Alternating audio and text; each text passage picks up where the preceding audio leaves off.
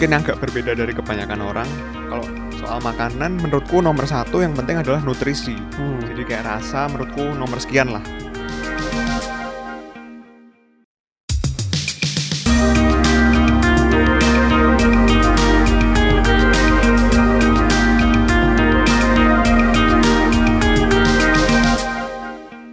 Shalom para pendengar Jeger Podcast. Hari ini podcast kedua kita tapi akan dibawakan oleh gua. Perkenalkan gua adalah Alvin Nicholas Aljonak Sitanggang. Gua adalah siswa dari Major Business Administration di Teknik Suhok Solo Brandenburg dan dalam beberapa podcast ke depan gua akan nemanin kalian semua dalam tema-tema menarik yang akan kita bawakan. Nah hari ini gue nggak sendiri, gue punya temen namanya Michael. Halo Mike. Yo, halo Vin. Wah, hari ini co-host gue beda lagi nih. Yo Mike. Tapi hari ini kita ada tema menarik nih.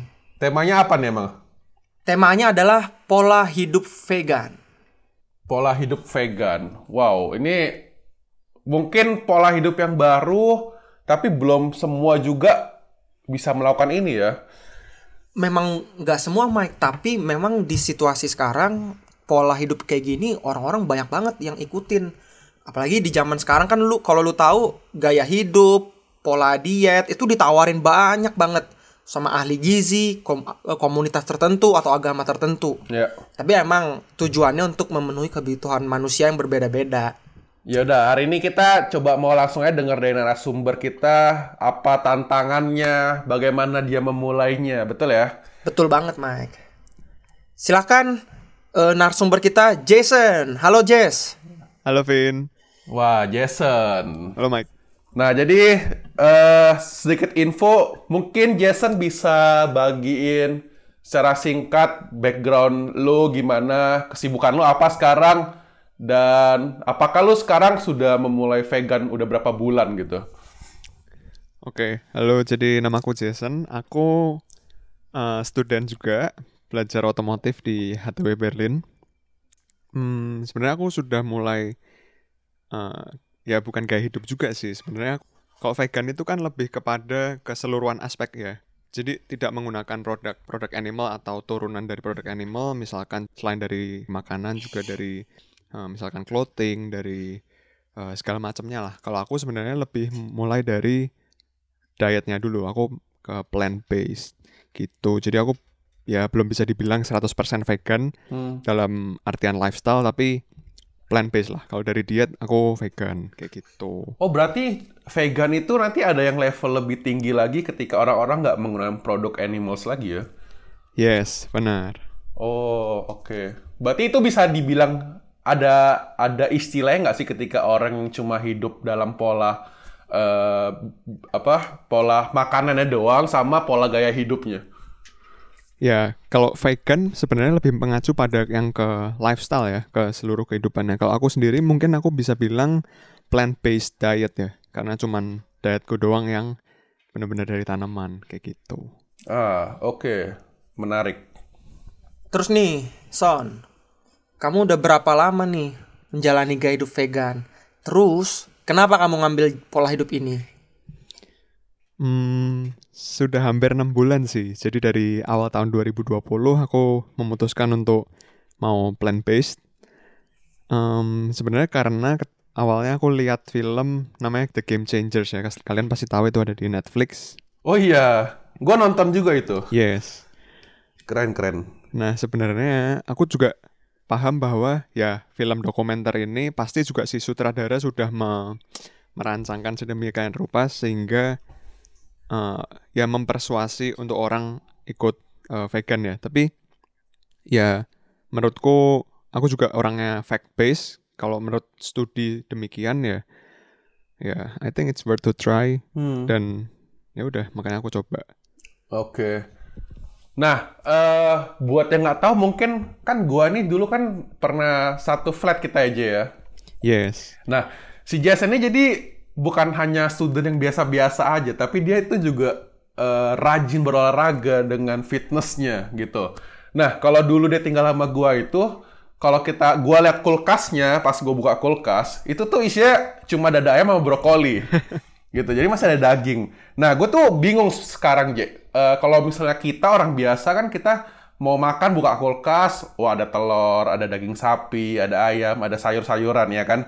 Nah ketika lu memulai vegan eh, apa yang menjadi tantangan berat lu dalam lu memilih makanan lu kayak kalau boleh tahu sekarang lu gue buka kulkas di rumah lu isi makanan lu itu seperti apa sih sekarang Bentar Mike, gue bisa nambahin fakta nih. Jadi Jason sebelum menjadi vegan, Heeh. dia punya sebuah diet tanpa dia sadari yang namanya diet macan Mike. Jadi dia diet apa macan namanya diet macan. Macan Jadi dia makannya daging mulu. Dia nggak pernah makan sayur. Iya. Gimana tuh? oh macan nggak makan sayur ya Karena macan nggak makan sayur Mike. oh oke Kecuali ada macan yang vegan kita nggak tahu.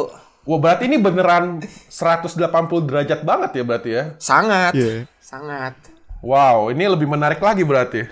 Ini berarti bu, akan menjadi sebuah tantangan yang sangat berat buat Jason berarti. Seharusnya. Dari pola hidup diet macan jadi pola hidup diet kambing. Gimana Son? Coba J, gimana J? Ya, kalau tantangan apa ya sebenarnya nggak terlalu berat atau gimana sih karena kalau yang aku alamin. Jadi eh, kayak gini, aku punya mindset mungkin yang agak berbeda dari kebanyakan orang. Kalau soal makanan, menurutku nomor satu yang penting adalah nutrisi. Hmm. Jadi kayak rasa menurutku nomor sekian lah atau eh, ya kayak gitu. Jadi eh ya dulu makanku cuman dada ayam karena aku juga fitness ya. Aku cuman fokus ke ya protein yang yang aku butuh lah ma- makro kayak gitu. Dada ayam pakai garam merica di pan fry. Wah, Terus- rasa nomor dua lah ya. Heeh, ya bener lah yang kayak Mike bilang dulu. Isi kulkasku cuman ya paling dada ayam. Udah cuman gitu Hmm. doang. Kalau ada sayur ya ada brokoli lah puji Tuhan, tapi jarang-jarang. nah, kalau dari sisi makanan jadi nggak terlalu berat sebenarnya. Bahkan eh, kalau di Berlin ya aku bisa bilang relatif mudah untuk seseorang punya plant-based diet. Karena ya interesting fact-nya adalah di Berlin ini eh, dibilang sebagai capital of veganism. Jadi eh, dia nomor satu yang top vegan friendly city kayak gitu. Wow. Jadi iya banyak banget sih eh, nggak cuma restoran vegan ya. Bahkan di Berlin ada vegan hotel, vegan bar, vegan groceries. Bener, udah banyak banget sekarang. Iya benar. Jadi kalau dari sisi makanan sebenarnya nggak terlalu ada kesusahan yang berarti. Bahkan relatif mudah ya.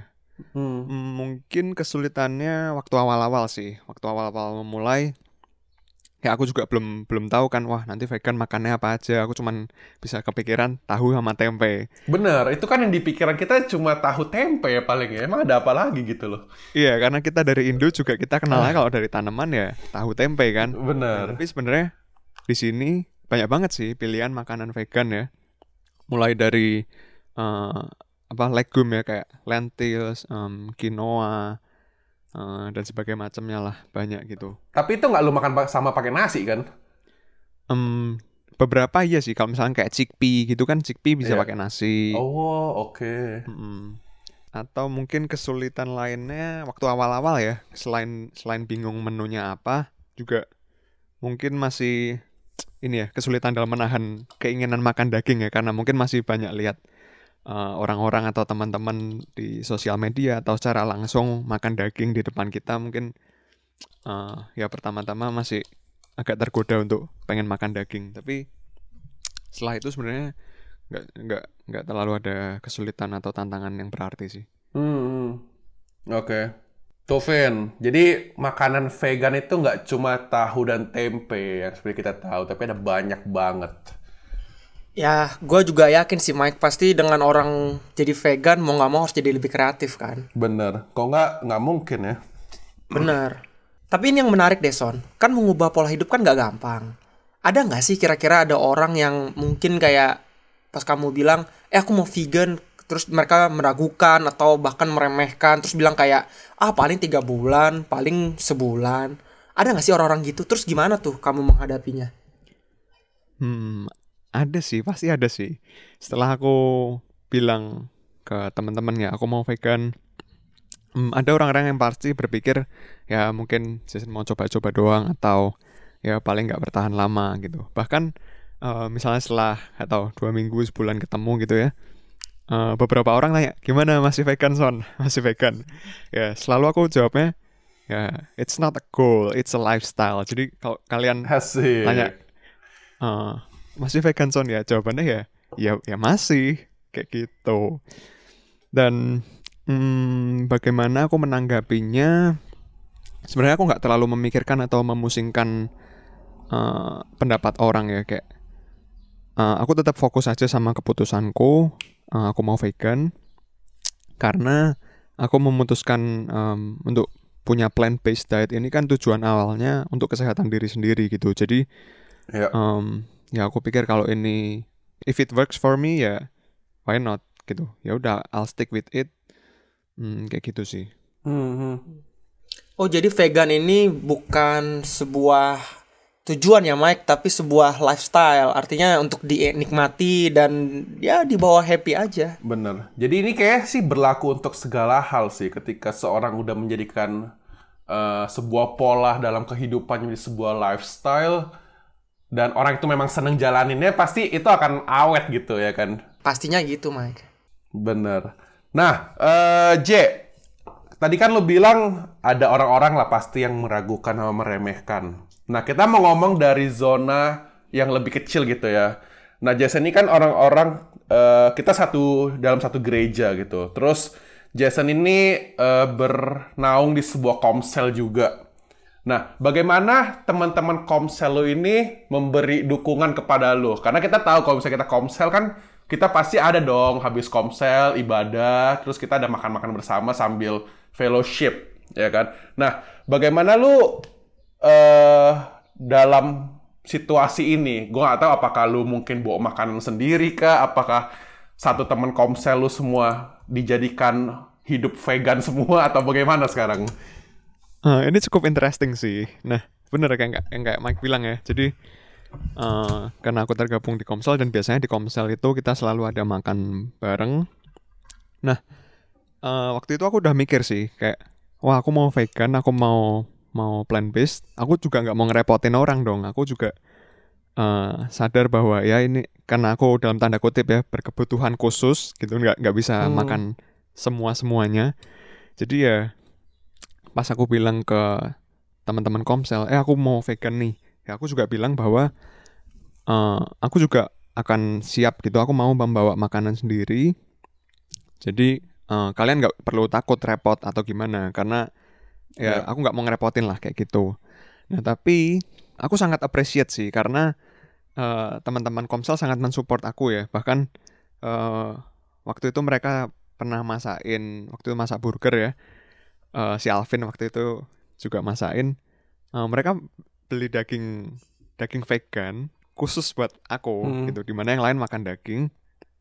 Dan apa ya di gereja juga biasa kan ada makan setelah gereja kayak gitu. Nah waktu itu pernah eh kayak kita fellowship setelah gereja itu di disponsori oleh sebuah komsel ya. Dan eh di situ eh, aku bilang nggak usah bikinin makanan buat aku nggak apa-apa nanti repot gitu Ya.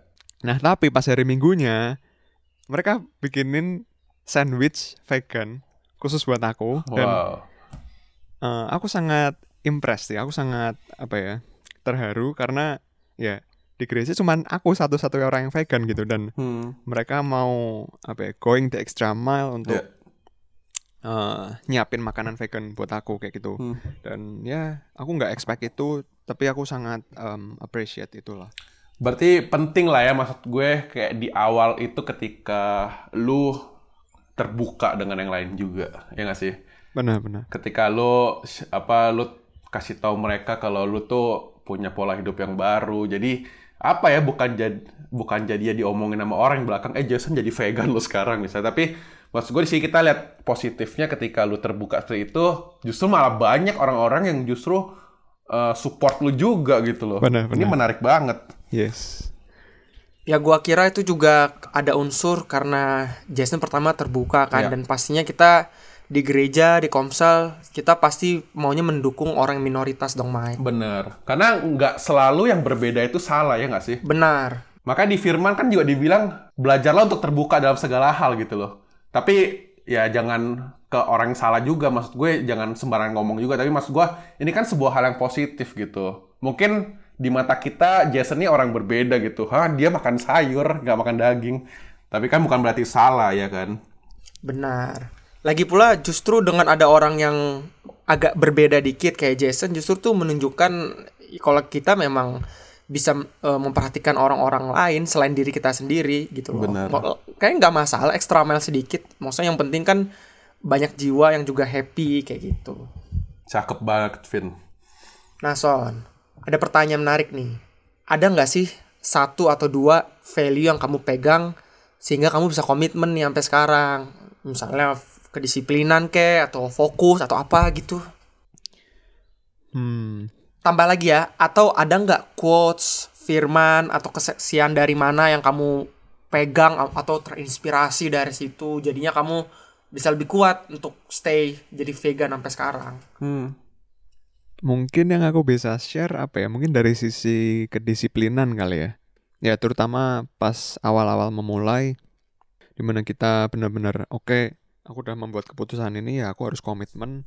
eh, aku mau stick sama sama plannya. Aku nggak nggak ya karena nggak bisa nahan nafsu mau makan daging atau produk lainnya terus jadi makan kayak gitu. Jadi mungkin itu sih eh, disiplin apalagi ini eh, hal untuk diri kita sendiri gitu untuk kesehatan kita pribadi walaupun kalau eh, vegan secara overall itu untuk eh, kebaikan yang lebih luas juga ya Hmm, kalau quotes atau firman mungkin aku bisa bilang um, ya veganism is not a sacrifice. Uh, it's a joy. Jangan berfokus sama apa yang kita nggak boleh makan atau nggak bisa makan tapi eh, fokus ke hal-hal yang bisa bikin kita enjoy kayak kesehatan uh, di mana itu bisa meningkatkan produktivitas kita juga gitu. Ya menurutku veganism is um, something that you can enjoy. Dan hmm, ada ayat Alkitab di pengkhotbah 9 ayat 9 yang versi ERV bilang enjoy life with the wife you love enjoy every day of your short life God has given you this short life on earth and it is all you have So enjoy the work you have to do in this life. Hmm, ya menurutku itu sih enjoy aja yang apa yang ada padamu. Em, kalau kamu bisa lebih sehat, bisa lebih produktif, bisa eh, lebih memaksimalkan hidupmu ya, why not gitu. wow Oh, jadi intinya eh, di Alkitab Tuhan berkata untuk kita enjoy our life dan pastinya kamu memutuskan untuk mengenjoy hidupmu dengan hidup yang sehat, iya nggak? Yes. Makanya kamu jadi vegan. Oke, mengerti. coba boleh dibagin lagi tadi di mana pasal aja Pengkhotbah 9 ayat ke-9 tapi yang versi ERV, Easy Reading Version. Oke, jadi kalau teman-teman yang mau lihat lagi mungkin ayatnya ada di pengkhotbah 9 ayat 9. Gitu. Versi ERV. Oke. Nah, eh Ya. ada pertanyaan ini, Je. Kan lu bilang lu sudah enam bulan memulai hidup vegan ya. Nah, eh, ada nggak sih hal yang lu rasakan ketika lu sudah enam bulan menjalani vegan ini dari segi kesehatan mungkin atau dari segi energi mungkin ketika lu fitness apakah lu menjadi semakin lemah atau semakin kuat malahan? Dan itu mungkin banyak orang pengen tahu juga karena kayak gua misalnya gua fitness kan gua masih mengkonsumsi daging-daging juga karena ya bener kayak Jason tadi nutrition itu lebih dari apa pun ya kan kita butuh proteinnya dan lain-lain. Dan eh, dari segi keuangan juga mungkin karena kalau gua lihat di market itu barang-barang vegan tuh nggak murah loh Je iya nggak sih? Bener banget tuh Mike. kayak bayangin satu kotak ini kayak daging vegan gitu ya. Mungkin 200 gram atau 250 harganya itu bisa sampai 3 euro je Hmm. gitu. Dan bagaimana lu so apa ya ada solusi nggak dari lu? Gimana lu eh, dengan keuangan dan lain-lain? Oke. Jadi kalau dampak ya, sebenarnya aku ngerasain cukup banyak sih. Apalagi dari perubahan yang sangat drastis, di mana dulu aku cuma makan daging dan sangat minimal sayur ya. Yang pertama juga dari dari pencernaan. pasti jauh lebih lancar. Hmm. Dulu eh ya sorry to say ya kalau dulu BAB aku cuman nggak tahu bisa dua hari sekali, tiga hari sekali. Waduh, ditimbun itu, Je. Makanya, tapi setelah eh, vegan, ya aku jadi bisa rutin sehari sekali atau bahkan mungkin dua kali kayak gitu. Nah, selain daripada itu karena pencernaan juga lancar, kulit juga le- jadi lebih bagus, eh, jadi lebih lebih cerah, lebih lebih nggak banyak jerawat dan segala macam. Kemudian dari segi energi juga, nah dari segi energi ini aku ngerasain eh, apa ya perubahan yang sangat sangat signifikan ya. Jadi aku mungkin mau cerita sedikit. Nah, dulu waktu bukan dulu sih, tahun lalu eh, aku ada sempat pergi liburan gitu ya, jalan-jalan sama teman-teman. Hmm. Nah, waktu itu kita hiking. Kita hiking ke Zugspitze namanya. Ya. Waktu itu eh jadi ada beberapa teman gitu. Nah, mereka kayak kuat banget gitu. Padahal aku aku selalu berpikir bahwa aku tuh kuat gitu. Aku aku fitness, aku eh, angkatanku juga lumayan ya. Kayak aku berpikir bahwa ya sebenarnya aku harusnya bisa lebih kuat gitu. Tapi mereka jalan jauh lebih di depanku. Aku udah ngos-ngosan gitu, aku nggak nggak kuat nanjak. Dan aku juga waktu itu mikir apa yang salah nih? Kok kok aku dalam tanda kutip kok aku jadi lemah banget ya dibandingin sama orang-orang yang menurutku harusnya nggak sekuat aku kayak gitu. Nah, tapi eh, setelah itu aku nggak pernah olahraga lagi. Jadi kardio aku memang paling males dari dulu karena ya itu aku cepat ngos-ngosan. Nah, tapi sekitar sebulanan yang lalu aku mulai mau lari kan. Nah, waktu itu aku sangat apa ya? amazed dan terkejut sih. Kayak aku sangat enjoy lari, aku sangat sangat apa ya bisa lari dengan dengan nggak ngos-ngosan dengan kayak jadi aku bisa menikmati gitu loh. Nah semenjak itu aku jadi jadi suka kardio lagi, aku suka eh, lari. Dan ya di situ aku ngerasa sih bahwa apa ya enduranceku jadi lebih lebih lama, energi levelku jadi lebih banyak, lebih nggak gampang ngos-ngosan. Dan setelah aku cerita kayak gini ke beberapa temen, mereka coba dan mereka bilang juga mereka ngerasain hal yang sama. Energi mereka jadi lebih banyak, lebih nggak gampang ngos-ngosan, kayak gitu. Terus dari segi keuangan tadi ya Mike nanya ya. Nah, emang bener sih Mike, kalau dari makanan, apalagi kalau makanan yang di restoran gitu, mungkin makanan vegan mostly eh, lumayan ini ya, lebih mahal daripada makanan biasa atau maksudnya yang daging-dagingan. Bener. Tapi mungkin di sini tips yang aku bisa kasih adalah eh, selalu cari makanan yang minimally processed atau beli whole food gitu ya karena eh, ya pasti itu juga lebih murah. Kemudian juga nutrisinya juga masih eh, terjaga gitu. Jadi instead of misalnya kita beli daging pengganti, kita bisa beli eh, tempe atau tofu atau sayur-sayuran yang lain yang lebih sedikit diproses gitu. Selain lebih murah yaitu tadi eh, nutrisinya juga pasti lebih eh, terjaga kayak gitu sih. Ya mungkin tips untuk dari sisi keuangan eh, lebih banyak masak dan beli makanan yang minimally processed instead of beli daging-daging pengganti atau makan di luar itu sih. Ah, oke.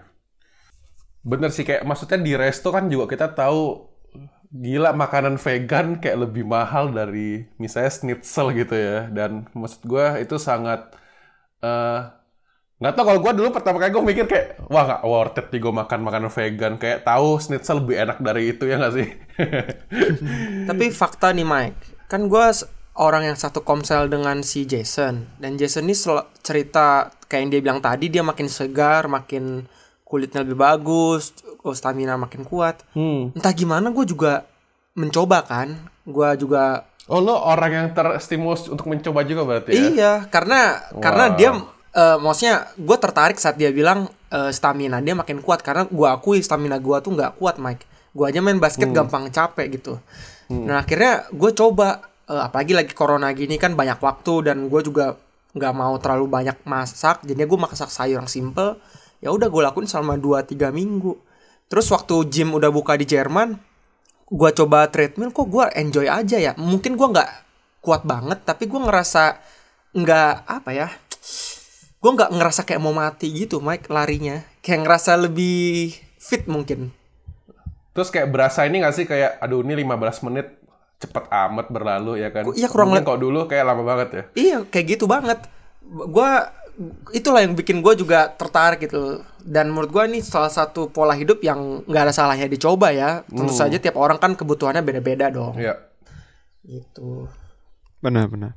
Kalau ada nih Son kalau ada orang yang mau memulai vegan kamu kan udah lebih pengalaman nih kamu mau bilang apa ke orang itu ada saran nasihat petua atau apa gitu Ya, seperti yang tadi aku udah ceritain sih, kalau aku secara pribadi ngerasain benefit dari plant-based diet.